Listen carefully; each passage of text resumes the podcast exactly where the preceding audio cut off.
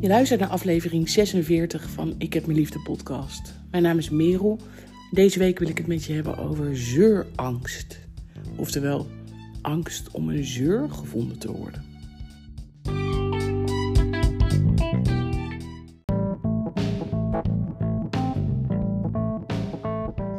En voordat we de podcast induiken samen, wil ik reclame maken voor mijn boek. Ik heb me lief, hoe ik mijn eigen reddingsboei werd. In het boek lees je mijn verhaal. En ik ga ongelooflijk met de billen bloot. Zo lees je bijvoorbeeld over mijn zoektocht naar liefde. Uh, mijn lessen die ik leerde van mijn burn-out. Hoe ik heb leren leven en nog steeds aan het proberen ben uh, met een chronische en progressieve ziekte. In mijn geval is dat MS. En in het boek raak ik heel veel thema's aan. Het gaat over van jezelf leren houden, uh, een moeizame relatie met mijn ouders, Um, hoe ik ongelooflijk heb gestruggeld met het feit dat mijn ouders op latere leeftijd gingen scheiden. Uh, en hoe ik toen ongelooflijk vluchtte in werk, mannen, drank, drugs. Ik heb er echt een potje van gemaakt. dat is een beetje overdreven, maar ik heb flink erop losgeleefd. En op een gegeven moment dacht ik van, hé, hey, dit, is, dit kan niet meer. Ik, uh, ik word hier niet gelukkig van.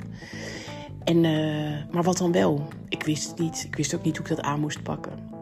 Die hele reis heb ik opgeschreven. En uh, de reacties die ik tot nu toe heb mogen ontvangen zijn nou, fantastisch en hartverwarmend. En uh, als je nou nieuwsgierig bent geworden, ga dan naar boekensbestellen.nl. Daar kan je het boek vinden als je zoekt op Ik heb me lief. En uh, het is ook verkrijgbaar als e-book. Eén um, klik op de knop en je hebt hem in je inbox of ploft hij zo bij je op de deurmat.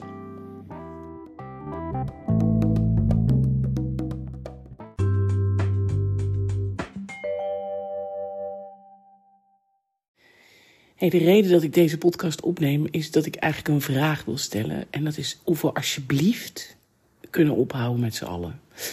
Met denken dat als we ons kwetsbaar opstellen, dat dat dan zeuren is.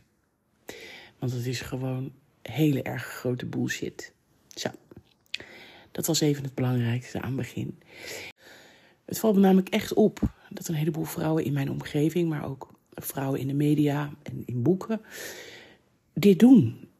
Um, dus op het moment dat ze vertellen hoe het met ze gaat, of, en dat is dan meestal even niet zo goed, of er speelt iets, of er moet iets van hun hart, dat wordt dan verteld, een tipje van de sluier wordt dan opgelicht, en dan vrijwel in dezelfde zin, of in ieder geval op dezelfde bladzijde, in ieder geval hetzelfde moment, wordt dat genuanceerd, gerelativeerd uh, wil ik bijna zeggen.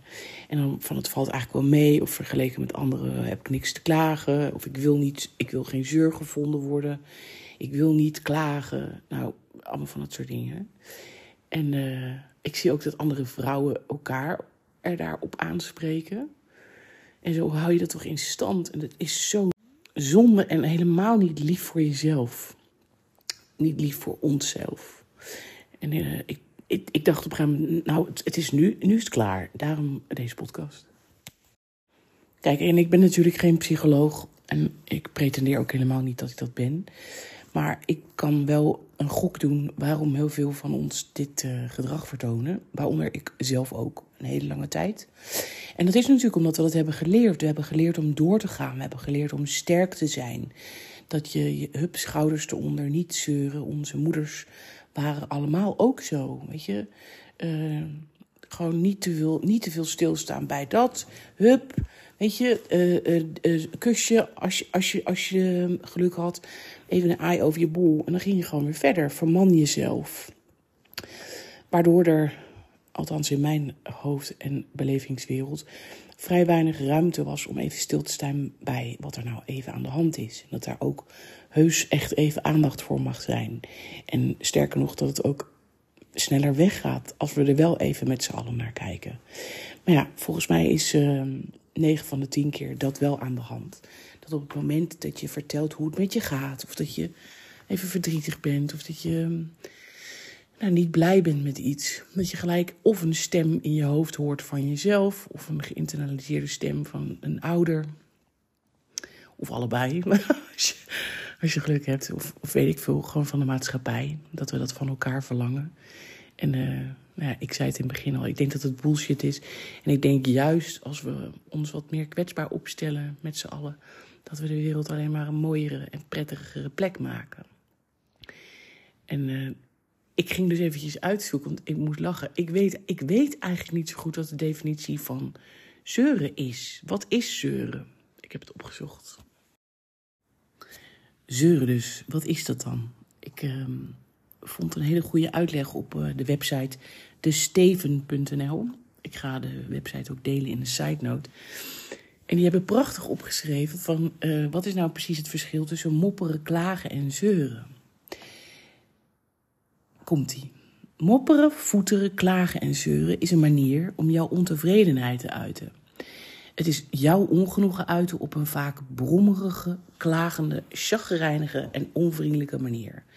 In feite zit er een stukje boosheid of teleurstelling achter. Wat is mopperen en klagen? Ik, en dat is dan degene die het stukje schrijft op die website, ik duid het middels het benoemen van wat gedragskenmerken. Mopperen en voeteren is enerzijds een vorm van communicatie en anderzijds een gemoedstoestand die duidt op veel boosheid en irritatie. Natuurlijk is er gradatie van mopperen. Dat ligt er dus maar aan waarover het gaat. Maar het kan variëren van een brommerige of knorrende toon tot snauwerig overkomen en iemand uitschelden. Vergelijkbare woorden zijn voeteren, mokken, knorren, brommen of razen. Nou, dan heb je klagen. Net als mopperen kan het bij klagen ook gaan over het uiten van ontevredenheid. Maar je kunt ook klagen omdat je pijn hebt of omdat je verdrietig bent. Woorden waarmee klagen wordt aangeduid zijn jammeren, misbaar maken, kniezen, beklagen of bezwaar uiten. En dan komen we bij zeuren of zaniken.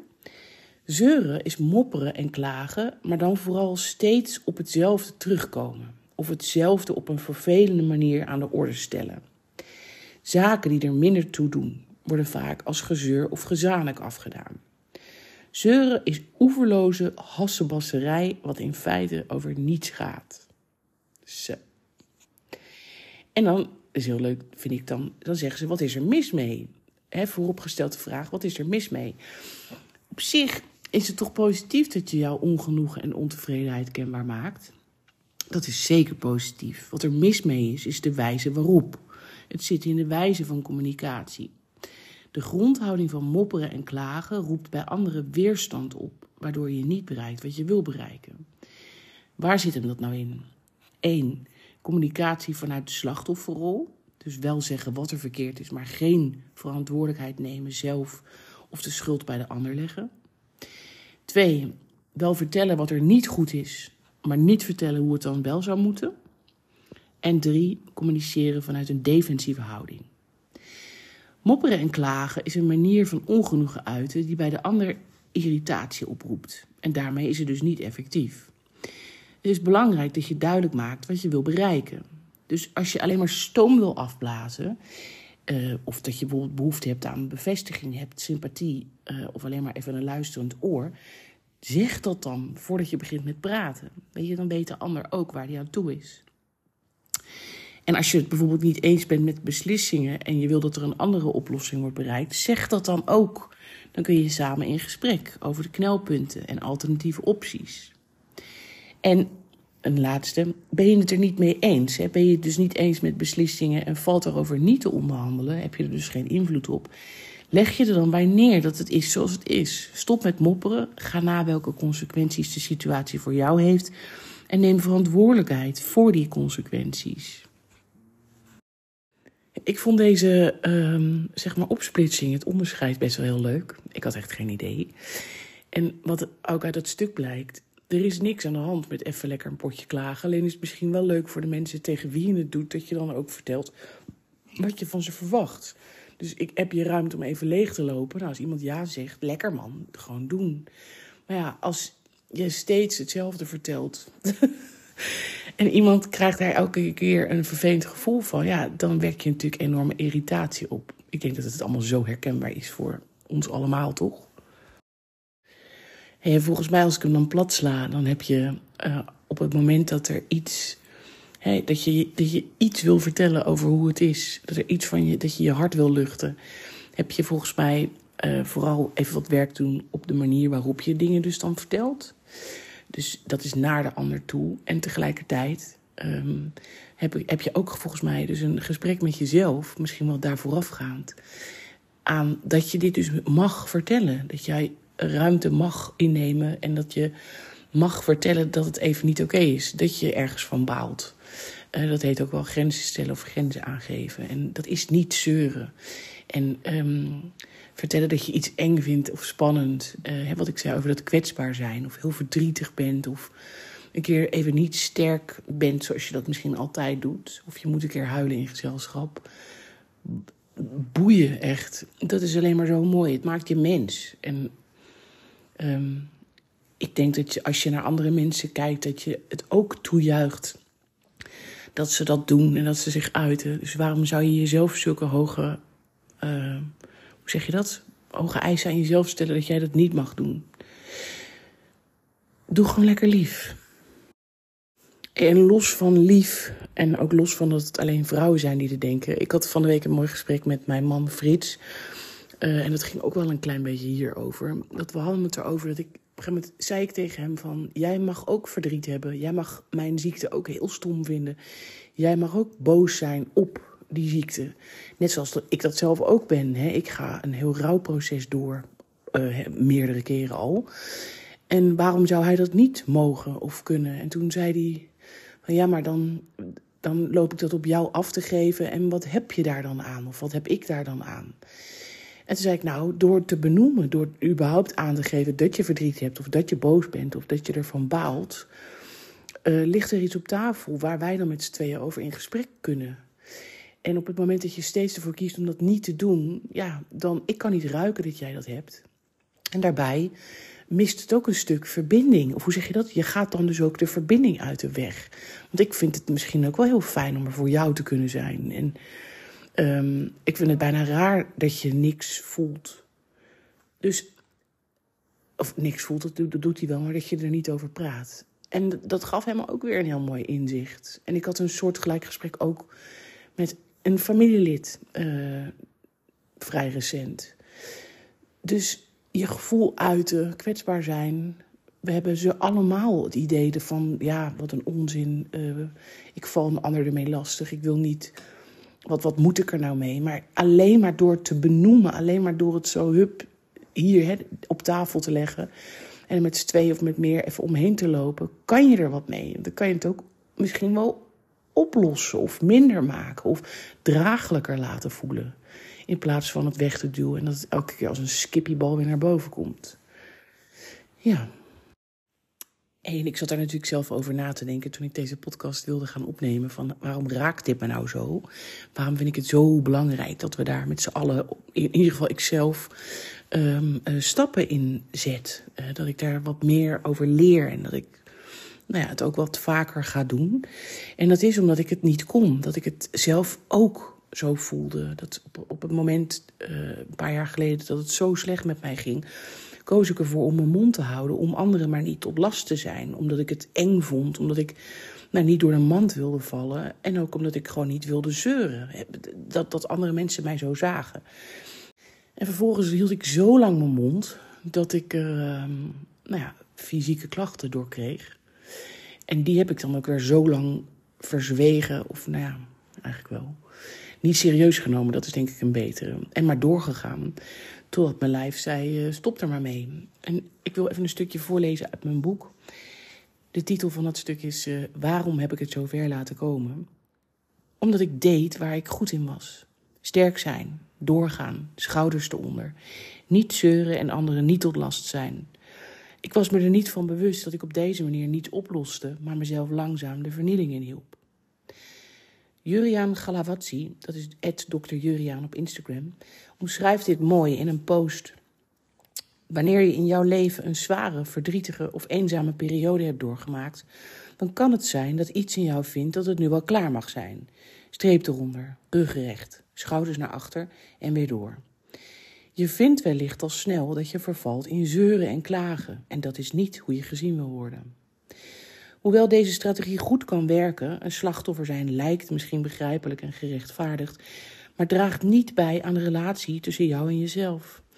kan de valkuil zijn dat je jezelf afwijst, verhard, de muur optrekt en maar door blijft gaan en zo geleidelijk aan steeds meer afstand creëert tussen jou en jezelf, je lijf, je lichaam. Het kan waardevol zijn om jezelf te erkennen in het feit dat het heftig is geweest, in plaats van dat deel af te wijzen en te vinden dat je altijd maar sterk moet zijn, dat je het maar moet kunnen en het toch een soort van vanzelfsprekend is dat je het allemaal doorstaan hebt.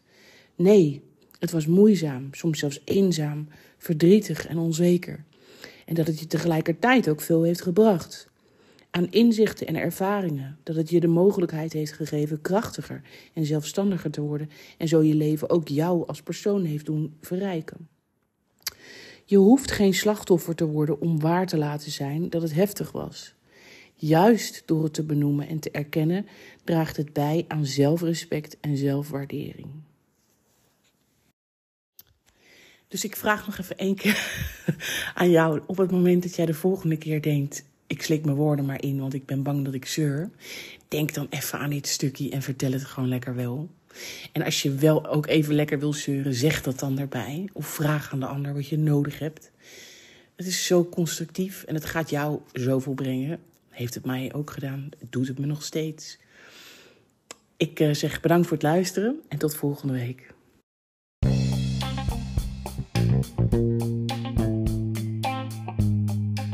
Vond je deze podcast nou leuk? Dan help je mij onwijs door hem te liken. En beter nog, abonneer je op deze podcast in je favoriete podcastkanaal.